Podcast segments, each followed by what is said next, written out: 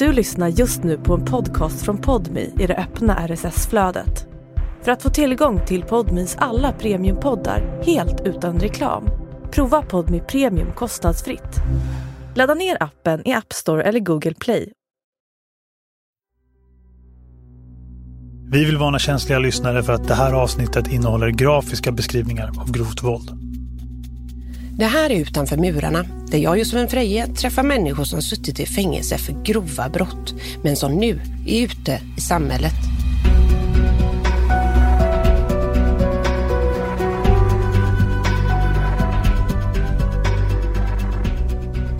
Dagens gäst har krävt sin lilla tid. Först ville han nog inte träffa mig alls, men gick med på en fika utan bandare. Sen gick han med på en intervju, men med villkoret att han kan dra sig ur när han har lyssnat på slutredigeringen. Visserligen får alla som är med i den här podden lyssna innan publicering, men om du hör det här så har vi gått i mål. Dagens gäst är Rickard Nilsson, i löpsedlarna mer känd som trippelmördaren. Och jag måste säga en sak. Innan jag träffade Rickard ringde jag runt lite till folk som varit i kontakt med honom den senaste tiden. De varnade mig från att träffa honom ensam och sa att det fanns en fråga jag absolut inte får ställa. Den om mordet på Lelle, eller snarare försvinnandet av Lelle. Det sista någon såg av honom var när han den 25 januari 1999 hoppade in i Rickards bil. Rickard var misstänkt men dömdes aldrig. Så jag tänker jag börja med den förbjudna frågan direkt. Vad hände med Lelle?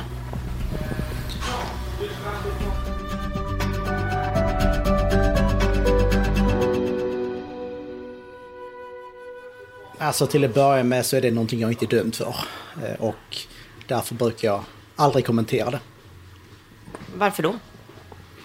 Ja, för vad jag än säger så blir det fel, det kommer att vridas, det har det alltid gjort för och dessutom har jag blivit bränd ett antal gånger av medier som har lovat saker och ända sedan dess så har jag slutat lita på journalister. Trots att jag är en själv. Nu sitter du här med en ändå. Nej, jag trodde faktiskt inte jag skulle få mer svar än så på frågan alla sa jag inte skulle ställa. Men Rickard blev aldrig åtalad, än mindre fälld. Så nu släpper jag det och till det Rickard Nilsson faktiskt har blivit dömd för. Tisdagen den 27 september 1999 skjuts tre personer ihjäl på en öde avfart på riksväg 21 utanför Klippan i Skåne i samband med en bilaffär. Polisen är idag mycket förtegen om alla uppgifter som rör trippelmordet i Klippan. Igår gick rikslarm ut efter 23-åringen och de bilar han använde. Så i morse slog polisen till. 23-åringen greps i sin bostad vid fyra tiden. 23 år och gripen för tre mord. Ja, vem var Rickard Nilsson då, 1999? Och vem är han idag, efter att han har avtjänat sitt straff?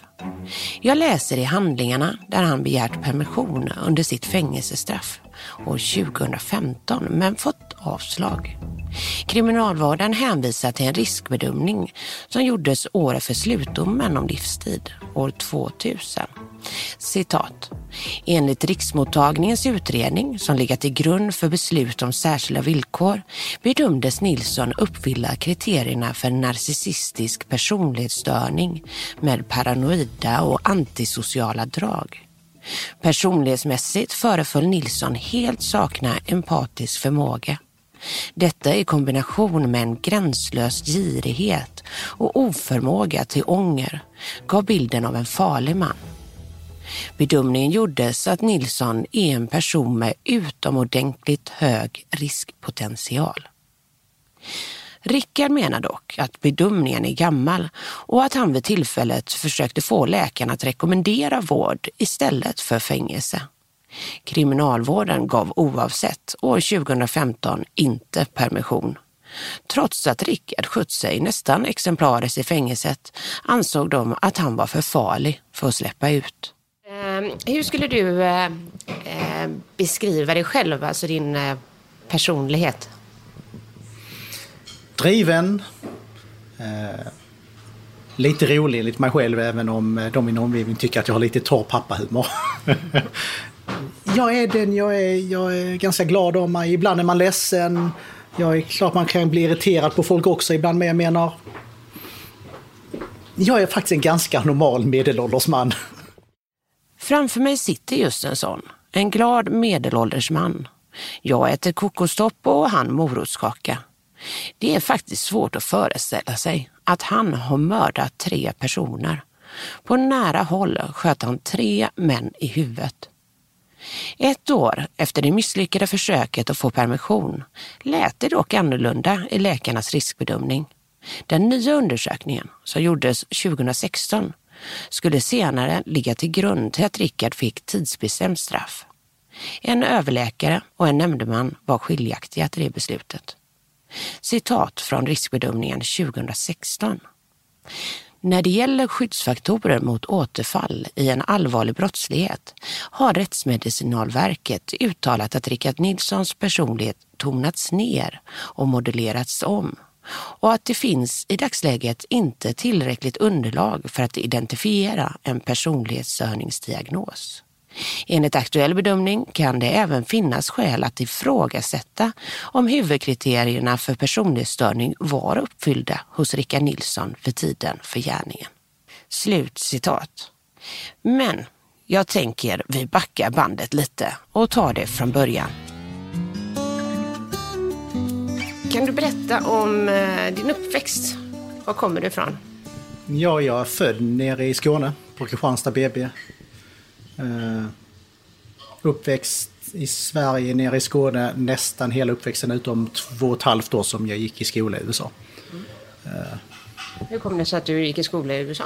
Uh, min mamma och pappa skildes och då flyttade jag inledningsvis med mamma och sen flyttade jag tillbaka till pappa. Ricka beskriver sina föräldrar som uppstyrda och karriärsinriktade. Mamma och pappa träffades utomlands på FN-tjänst. En stabil och kärleksfull familj enligt Rickard. Men flytten som grundskoleunge till USA tror han har format den person han senare blev. Vad har du för minnen därifrån? Alltså i USA, det var väl lite där jag fick en stor del av eh, det som eh, riskbedömarna inledningsvis kallade narcissism och så vidare. Eh, där borta skall du vara störst, bäst och vackrast. När du är duktig, då premieras du. Jag hade bra betyg i skolan och då premierades man och lyftes upp det byggs upp en självkänsla, ett självförtroende på ett helt annat sätt än vad man gör i Sverige. En ganska intressant analys av Rickard. Att den amerikanska drömmen kan misstolkas som narcissism. Efter några år flyttade familjen tillbaka till Sverige. Och ja, Rickard ville vara bäst och vackrast, men han hade också bokstavligen blivit störst. Övervikten kan enligt Rickard ha varit gnistan som tände hans kriminella karriär. Det låter som en ganska lugn, fin barndom. Liksom. Hur kom du in på den kriminella banan? Alltså, det finns väl många olika förklaringar. Det är sällan... Det är i princip aldrig det finns en enda förklaring, utan det är massa pusselbitar. Om vi drar en väldigt kortfattad historia. Eh, när jag flyttade över till USA, jag flyttade där dit som en vanlig ung kille. Spelade lite fotboll och sådana saker. Eh, där borta äter man extremt onyttigt. Jag gick upp jättemycket. Utan att veta om att jag gick upp eftersom alla andra i klassen, eftersom hälften av klassen var större än mig, så det var inget man reflekterade över. Och tro det men det fanns inte mobbing på den skolan där jag gick. Det existerade inte. De hade sån kontroll och på alltihopa. Eh, så när jag kom tillbaka då var jag extremt överviktig utan att veta om det. Jag började mobbas. Eh, och sedan så satte det, gick det stick i stäv med mitt höga självförtroende. Ja, men jag är ju störst, bäst och jag är smart, ja, förstår du. Mm. Eh, så det var väl ett sätt, bland annat kanske att börja göra småbrott och sådana saker. Mm. Vad, vad började du med då, liksom, för små grejer? Ja, det första riktiga brottet jag gjorde var att jag gjorde inbrott i skolan. Eh, tillsammans med en kompis och vi snodde en massa skrivhäften som man hade på den tiden. Mm. Men det var, liksom, var det en hem på skolan då kanske? Jag vet inte, jag har aldrig reflekterat så mycket över det. Nej. Jag har gått i psykolog i väldigt många år och så vidare. Och hela den där tiden ligger väl på ett stort sätt bakom mig. Alltså rent spontant låter ju starten på Rickards kriminalitet eh, rätt eh, mesig. Sno lite skrivhäften. Inte direkt så att rektor och SOS drar i stora larmklockan för att de tror att de har en framtida mördare framför sig. Men Rickard byggde upp en fasad som den unga man han ville vara. Hänga i musikbranschen, flasha med pengar, bjuda på krogen. Och för att ha råd med sin fasad började han råna folk genom att låtsas att han hade privatbilar ute till försäljning. När de dök upp med cash var de fast i fällan. Jag jobbade i musikbranschen på den tiden. Mm, vi hade startat skivbolag, ville ha egen studio. Jag ville ha allting direkt, vilket var jättekorkat. Men man var ung och dum. Och eh, att företag kostar pengar om du inte har tillräckligt mycket med intäkter. Eh, så då började jag helt enkelt se, titta på de annonserna och kom på, hmm, de kan man ju råna. Och då började jag det. Jag satte in, eller jag ringde, jag har den och den bilen och så kom de. Så hade jag lagt ut en spikmatta och så körde de över den. Sen hoppade jag ur skogen maskerad. För de kom ju mitt ute i ingenstans. De kom ju dit man sa bilen fanns. Och sen så helt enkelt rånade de.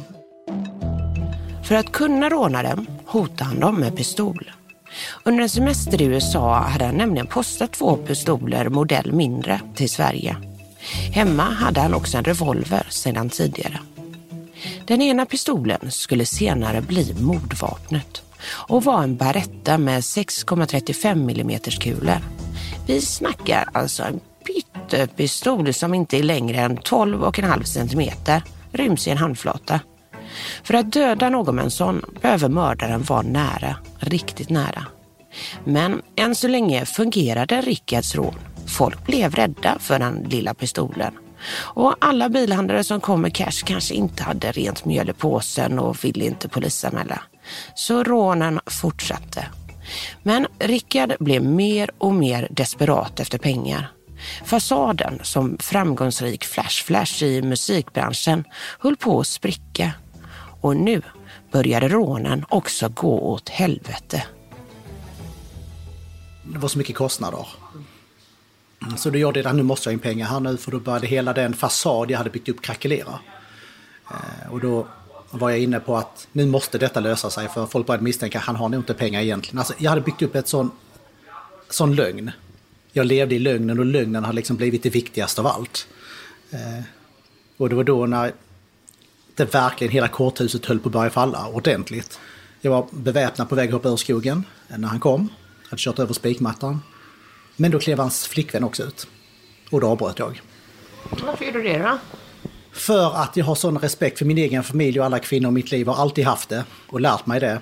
Jag kan inte hota en kvinna. Det går inte. Ja, vad ska man säga? Kanske har Rickard fått med sig någon form av eh, gammaldags eh, gentlemannaskap från sin mamma och uppväxt. Men det som hände sen var långt ifrån gentlemannamässigt.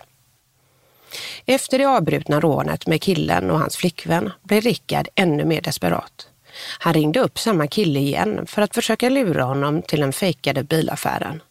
Lura honom till att bli rånad. Så då bokade jag en tid igen med samma person, för jag var så desperat. Jag tänkte, ja men de har kommit in och kommer igen. Tanken var bara att det var verkligen inte tanken att någon skulle dö. Jag satt där och sen sa jag, drog fram mitt vapen och sa, ja, bara ge mig pengarna så åker jag härifrån nu. Och då sa men vi har inga pengar. Och i den desperation jag var att allting skulle krackelera för det måste betalas senast imorgon bitti alltihopa. Jag bara tappade det och så bara sköt jag. Rickard sköt. Nej, alltså förlåt, avrättade killen och de två andra män som han hade med sig i bilen. Med tanke på att det var en liten pistol med låg kaliber har morden skett på nära avstånd. Rickard satt till höger i baksätet och sköt alla tre i huvudet. Familj och nära anhöriga blev för alltid berövade sina kära. Allt för pengar och Rickards fasad. Det låter ju jävligt kallt, alltså sitta i en bil så nära och så skjuta tre i, i huvudet. Liksom. Ja, men så är det. Det, det, är, det är kallt, men som sagt, det var något form av psykosliknande tillstånd. Jag kommer inte... Från det att jag hotade dem och ville ha pengarna så kommer jag ihåg väldigt lite av händelseförloppet. Men när det blir dags för rättegång är det inte tillfällig psykos som Rickard använder som försvar. Istället förnekar han morden. Det görs också läkarundersökningar där experterna kommer fram till citat Rickard Nilsson har begått de åtalade gärningarna under påverkan av en psykisk störning, som dock ej är en allvarlig psykisk störning. Detta trots, vad Rickard hävdar, hans medvetna försök att verka så sjuk som möjligt. Han berättar att han till och med lånat psykologiböcker för att plugga sig till en passande diagnos för att slippa fängelse. Slutsatsen blev dock oavsett att Rickard ska ha fängelse, inte rättspsykiatrisk vård. Men det du dum, när du dömdes då var det just att du var väldigt farlig, narcissistisk och eh, empatilös och känslokall. Men det är ju faktiskt tyvärr så här att när det gäller eh, riskbedömning och dylikt så är det marginellt bättre än att singla slant. Rickards strategi vid rättegången var att skylla mordet på att det fanns en annan man där som hade dödat de tre. En man Rickard inte ville uppge namnet på. Men vittnen hade bara sett en man som stämmer in på Rickard vid mordplatsen. Och det var inga problem för polisen att knyta honom till morden. I sin trädgård hade han grävt ner mordvapnet och brottsoffrens tillhörigheter i gräsmattan. I tvättmaskinen låg hans kläder som var nedstänkta med brottsoffrens blod. Enligt åklagaren hade Rickard tänkt att använda kläderna senare. Det, det, låter ju inte så smart alltså. Och sen det är jättekorkat. Helt enormt korkat. Mm. Eh, och... Men det var, det var liksom hela stressen, desperationen, känslan av vanmakt, alltihopa kombinerat gjorde att det fattades beslut på dåligt beslut på dåligt beslut på dåligt beslut. Men där var det en psykolog som sa att du ville nog bli tagen Rickard, för du visste att du hade gått för långt.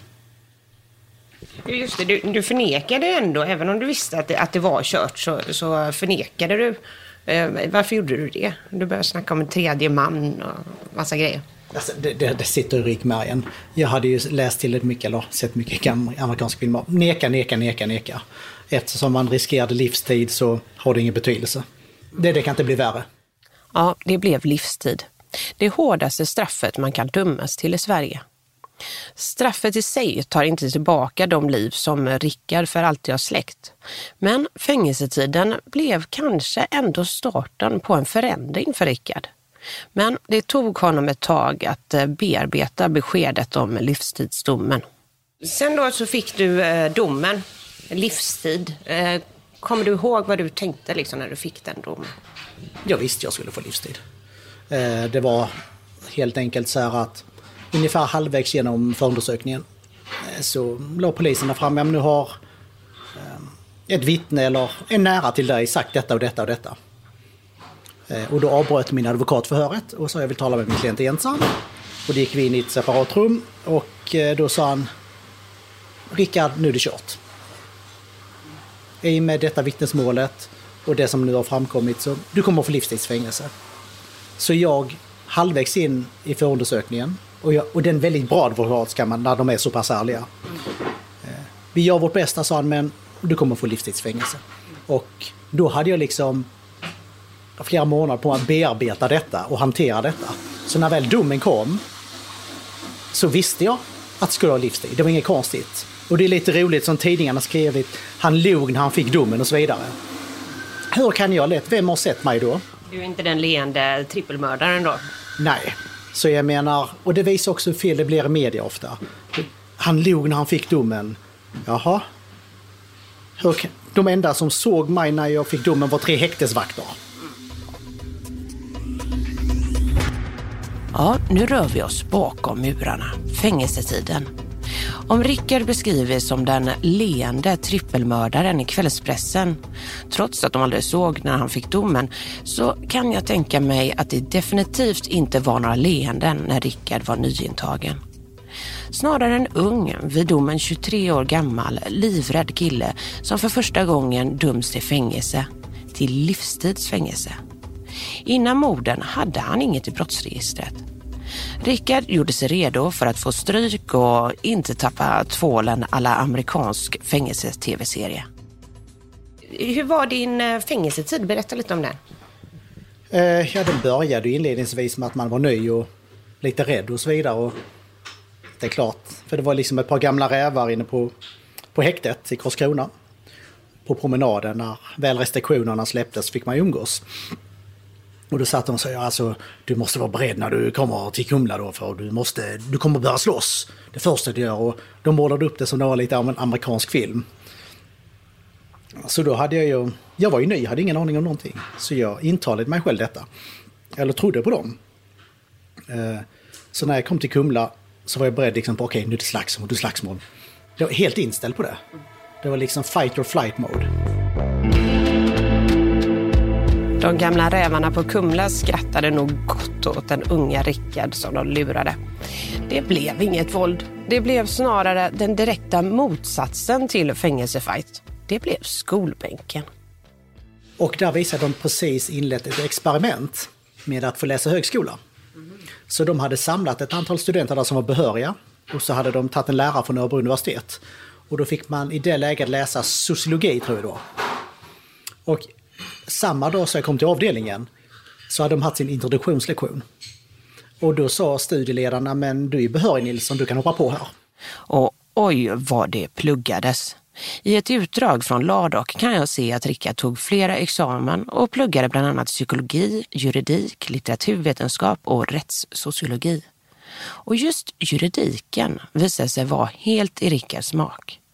En väg att jävlas tillbaka med personalen inom kriminalvården som han ansåg missbrukade sin makt.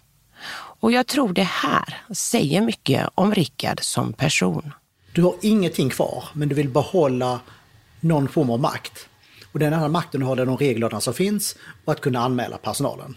Att anmäla plitarna till vad det nu må vara. Och på den tiden, när jag åkte in i början av 2000-talet, fanns det dels namnbrickan, men det fanns även en regel om att personalen var tvungna att mörka strumpor till sin uniform.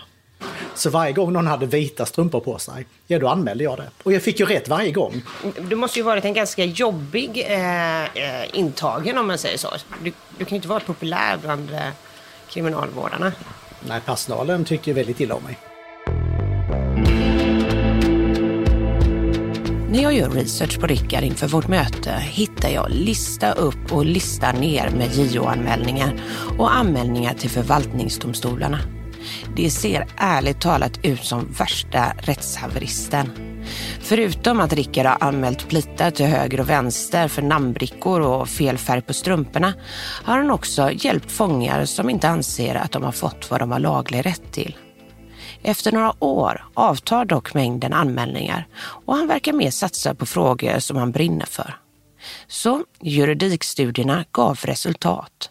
Rickard kanske blev hatad av vissa inom kriminalvården, men desto mer poppis bland de andra intagna. Så jag drev ju ofta ärenden och representerade andra intagna när de försökte till exempel senare lägga deras villkorliga frigivning och sånt. Eh, så jag fick ju en ganska stor erfarenhet av det och att läsa juridik i kombination med att praktisera den, det är den bästa utbildningen. Um, var det också ett sätt för dig att liksom skaffa polare på insidan det här? Att du uh, hjälpte folk med överklaganden och sådär? Ja, så det var ett sätt att etablera mig själv på något sätt i, i den hierarkiska ordningen. Uh, på engelska finns det begrepp som heter jailhouse lawyer.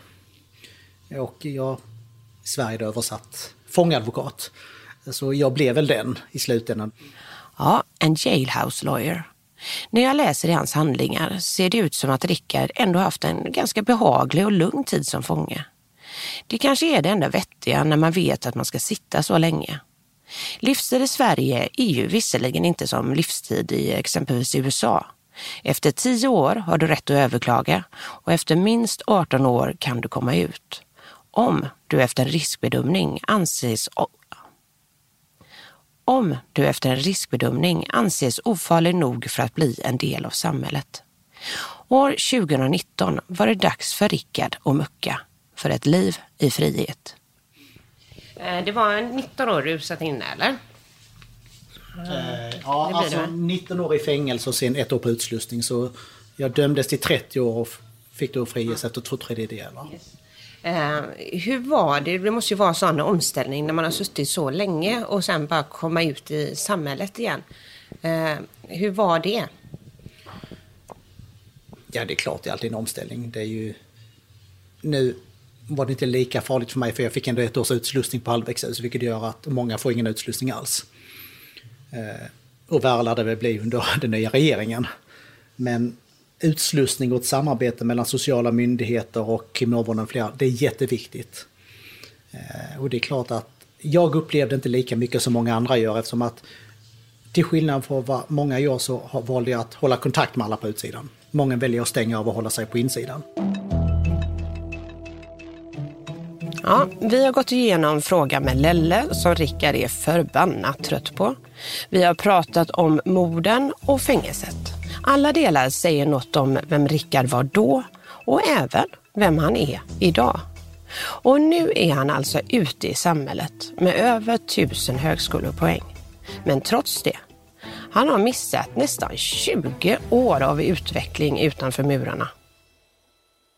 Men var det sådana här liksom vardagliga saker som eh, eh, smartphones och gå och handla och vara bland mycket folk och så? Kände du att det var obehagligt liksom, att det var för mycket nytt? Alltså, inledningsvis kan det vara mycket intryck. Eh, att åka tunnelbanan innan jag tog körkort igen, det är klart att det blir jättemycket intryck. Och det är, det är en helt annan stress. Där inne har man ju rutiner på, ett, på en helt annan nivå. Eh, ja, det är upplåsning vid en viss tid, eh, frukost vid en viss tid, sen ska du gå till anvisad sysselsättning, sen är det lunch, anvisad sysselsättning, sen har du ett par timmar att ringa hem och träna om vad du vill göra, sen är det inlåsning igen. Är det några andra saker som du märker liksom, som har satt spår av att vara fånge så länge? Inte så jättemycket hos mig, däremot har jag sett många andra som ibland ringer och jag träffar och tar en fika med att eh, det är ju de som faktiskt ibland har stått framför en dörr som är öppen. I det första skedet av när de blivit fria. Och inte öppnat den för alla dörrar är det på insidan, de låses upp på personal, vakterna. Mm. Så väntar det? Ja, ja, alltså det har hänt eh, mer än en gång att folk har berättat att de har gjort det. Ja, säga vad man vill om kriminalvårdens ambitioner att skapa laglydiga människor.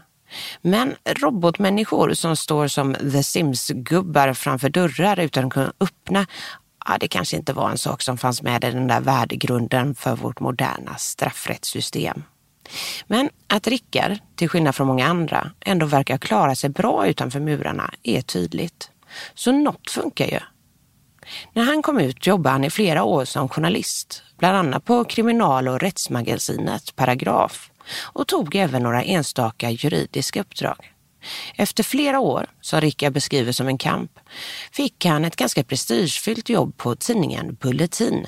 Ja, ni vet den där som det har stormat som fan runt. Expressen, ja, ni vet nog vad jag tycker om den tidningen vid det här laget. Eh, de valde att gå ut med rubriken Bulletins VD tar in trippelmördare. Eh, vad är din eh, version av vad som hände där på Bulletin? Ja, nu ska du faktiskt få en ex exklusiv som inte har kommit ut för. Eh, så här är det. Jag kontaktades av dåvarande vd Jannik Svensson. Utifrån att jag är jurist och jobbar lite med sånt också, samtidigt som jag är journalist. Och vi träder in i mediebubblan för en stund.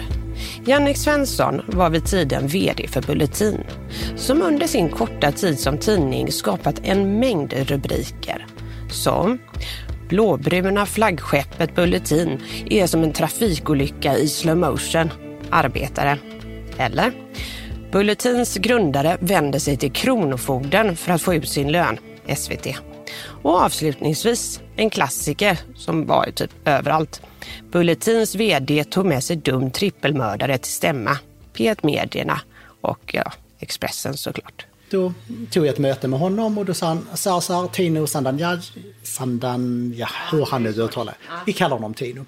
Alltså styrelseordförande och en av huvudägarna. Eh, hade problem, säger så, lite juridiska och kunde jag gå in och titta vad jag kunde göra. Till skillnad från det som rapporterats menar Rickard att han gav ledningen lite förslag. Exakt vad berättar han inte, men att det uppskattas och det var dags att skriva lite avtal för Rickards fortsatta engagemang i Bulletin. Och så några dagar senare efter första mötet åkte jag hem till Jannik. Han bodde då i Tinos lägenhet. Eh, och eh, då råkade det vara samma dag skulle de hålla bolagsstämma. För Tino tyck tyckte att, ja men eh, kan inte Rickard följa med på styrelsemötet? Rickards närvaro på stämman blev första sida stoff. Det blev också ett jäkla liv på Twitter. Du vet, det är ju där vi alla journalister hänger.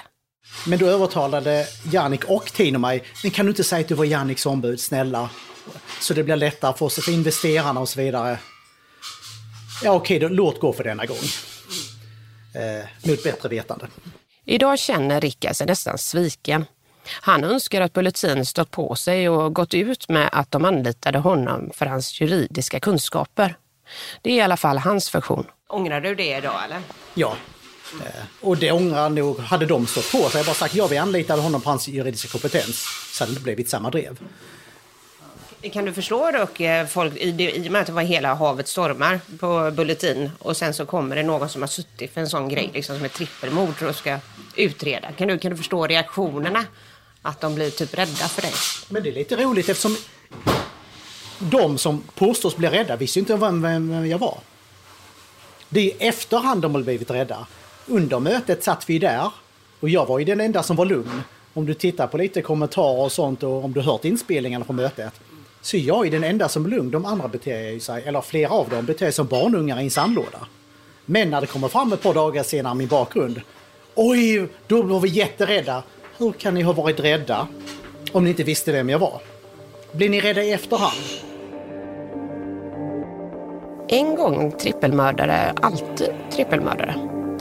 Det är något som man kanske aldrig kan skaka av sig. Lika lite som att de anhöriga till brottsoffren kan glömma. Men det ska betonas att Rickard har avtjänat sitt straff, skaffat utbildning och idag ser sig själv som en helt annan människa än den som gjorde de fruktansvärda handlingarna för över 20 år sedan. Efter Expressens mediedrev om Bulletin gick det jobbet åt skogen. Men det ska visa sig att utbildningen han skaffat sig bakom murarna har fortsatt ge frukt här, utanför murarna. Om du beskriver ditt eh, liv eh, utanför murarna, eh, vad, har du för dig på dagarna? Ja, dels har jag några få juridiska ärenden ibland. Jag har ibland annat blivit godkänd som offentlig försvarare i något fall. Är det, är det liksom, för det kan man ju tänka att om det är en rättegång och sådär och så är det ett offentligt ombud. Då, då tror man ju inte att det är en person som har suttit liksom och blivit dömd till livstid direkt. Alltså får du, vad får du för reaktioner? Inga alls. Så länge jag sköter mitt jobb och är kompetent så mm, är det inget negativt alls. Det är flera domare som känner till min bakgrund och de har aldrig haft något problem. Eh, men bortsett från juridiken då så mest av tiden ägnar jag åt journalistik. Ja, Rickard som ändå är fly förbannad på journalister i största allmänhet är själv journalist och med i Journalistförbundet, presslägg och allt. Redan innan han åkte in hade han en lokal radiokanal och skrev flera böcker. Men nu vill han ta det hela vägen. Tillbaka till den kreddiga författarvärlden. Vad, vad har du för eh, eh, liksom drömmar nu för eh, framtiden? Det enda jag vill här nu liksom att bara få fortsätta leva i lugn och ro. Jag tycker om att jobba som både jurist och journalist. Eh, Jag vill gärna börja ge ut lite av mina böcker igen. För jag har ju jag har gett ut fem böcker tidigare. Min absoluta dröm hade varit att få leva på författarskapet. Men det är så svårt idag. Men just det hade varit... För jag älskar att skriva, jag älskar ordet. Jag älskar att liksom komma på berättelser. Drömmar om att vara mångsysslare, lite jurist, lite författare. Ja, det låter som den typiska medelåldersmannens drömliv. Ett liv i stark kontrast till de brott han begick som ung. Och medan vi sitter där och faktiskt har ganska trevligt, ja, så funderar jag. Kan man verkligen ändra så mycket som person? Eller är jag helt dum i huvudet som inte ser? Innerst inne är jag väl lite cynisk. Jag tror inte folk ändrar sig nämnvärt i sin personlighet. Men att man kan lära sig hantera sina känslor så man inte skadar andra. Ehm, har du svårt att få folk liksom att lita på dig med tanke på din historia? Nej, alltså de flesta som jag umgås med och de som kommer till mig, alltså de vet ju om det och det är inga konstigheter. Hur, hur är du när, du eh, blir arg eller blir förbannad idag? Jag blir nästan inte det. Eh, Jag kan bli irriterad. Men eh, som du kan fråga i princip alla i min omgivning, jag, jag blir inte arg. Jag har, eh, min stubin är så lång så den syns inte ens. Jag har insett att dialog och öppenhet och ärlighet, ibland brutal ärlighet, vilket inte alla är förtjusta i, är den bästa vägen. För det är när du håller saker inombords, det är då det, saker och ting exploderar om man blir arg.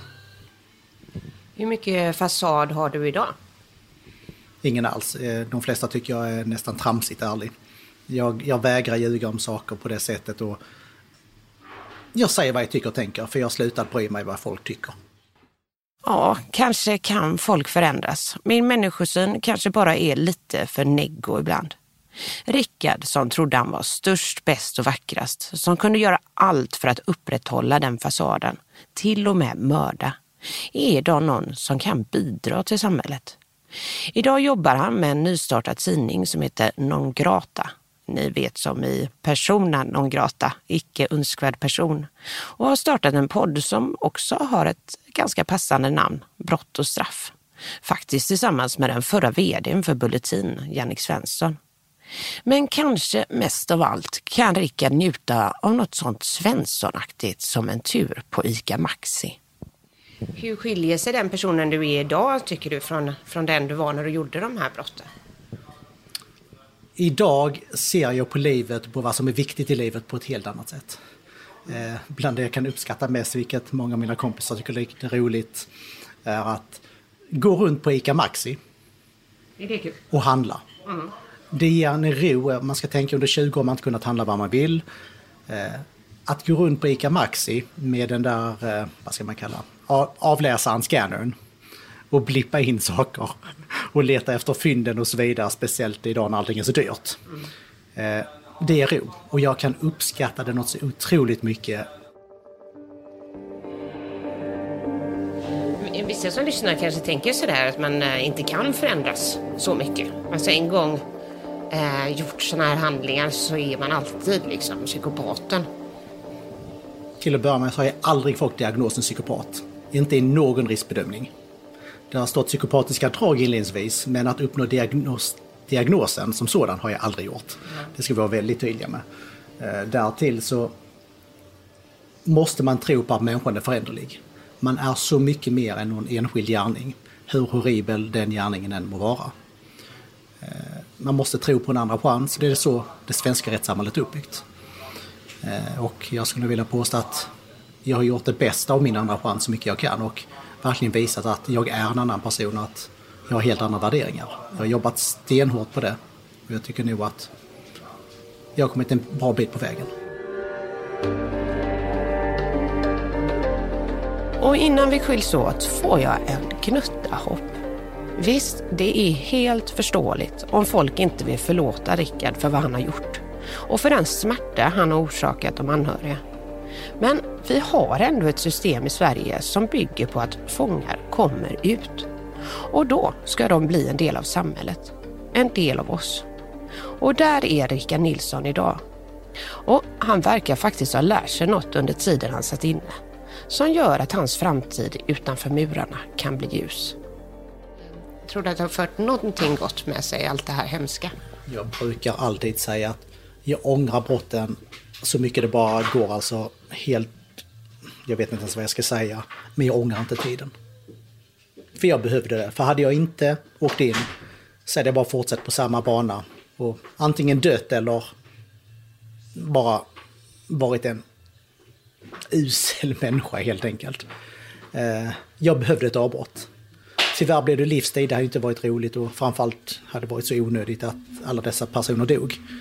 Men som sagt, jag ångrar verkligen brotten men absolut inte tiden.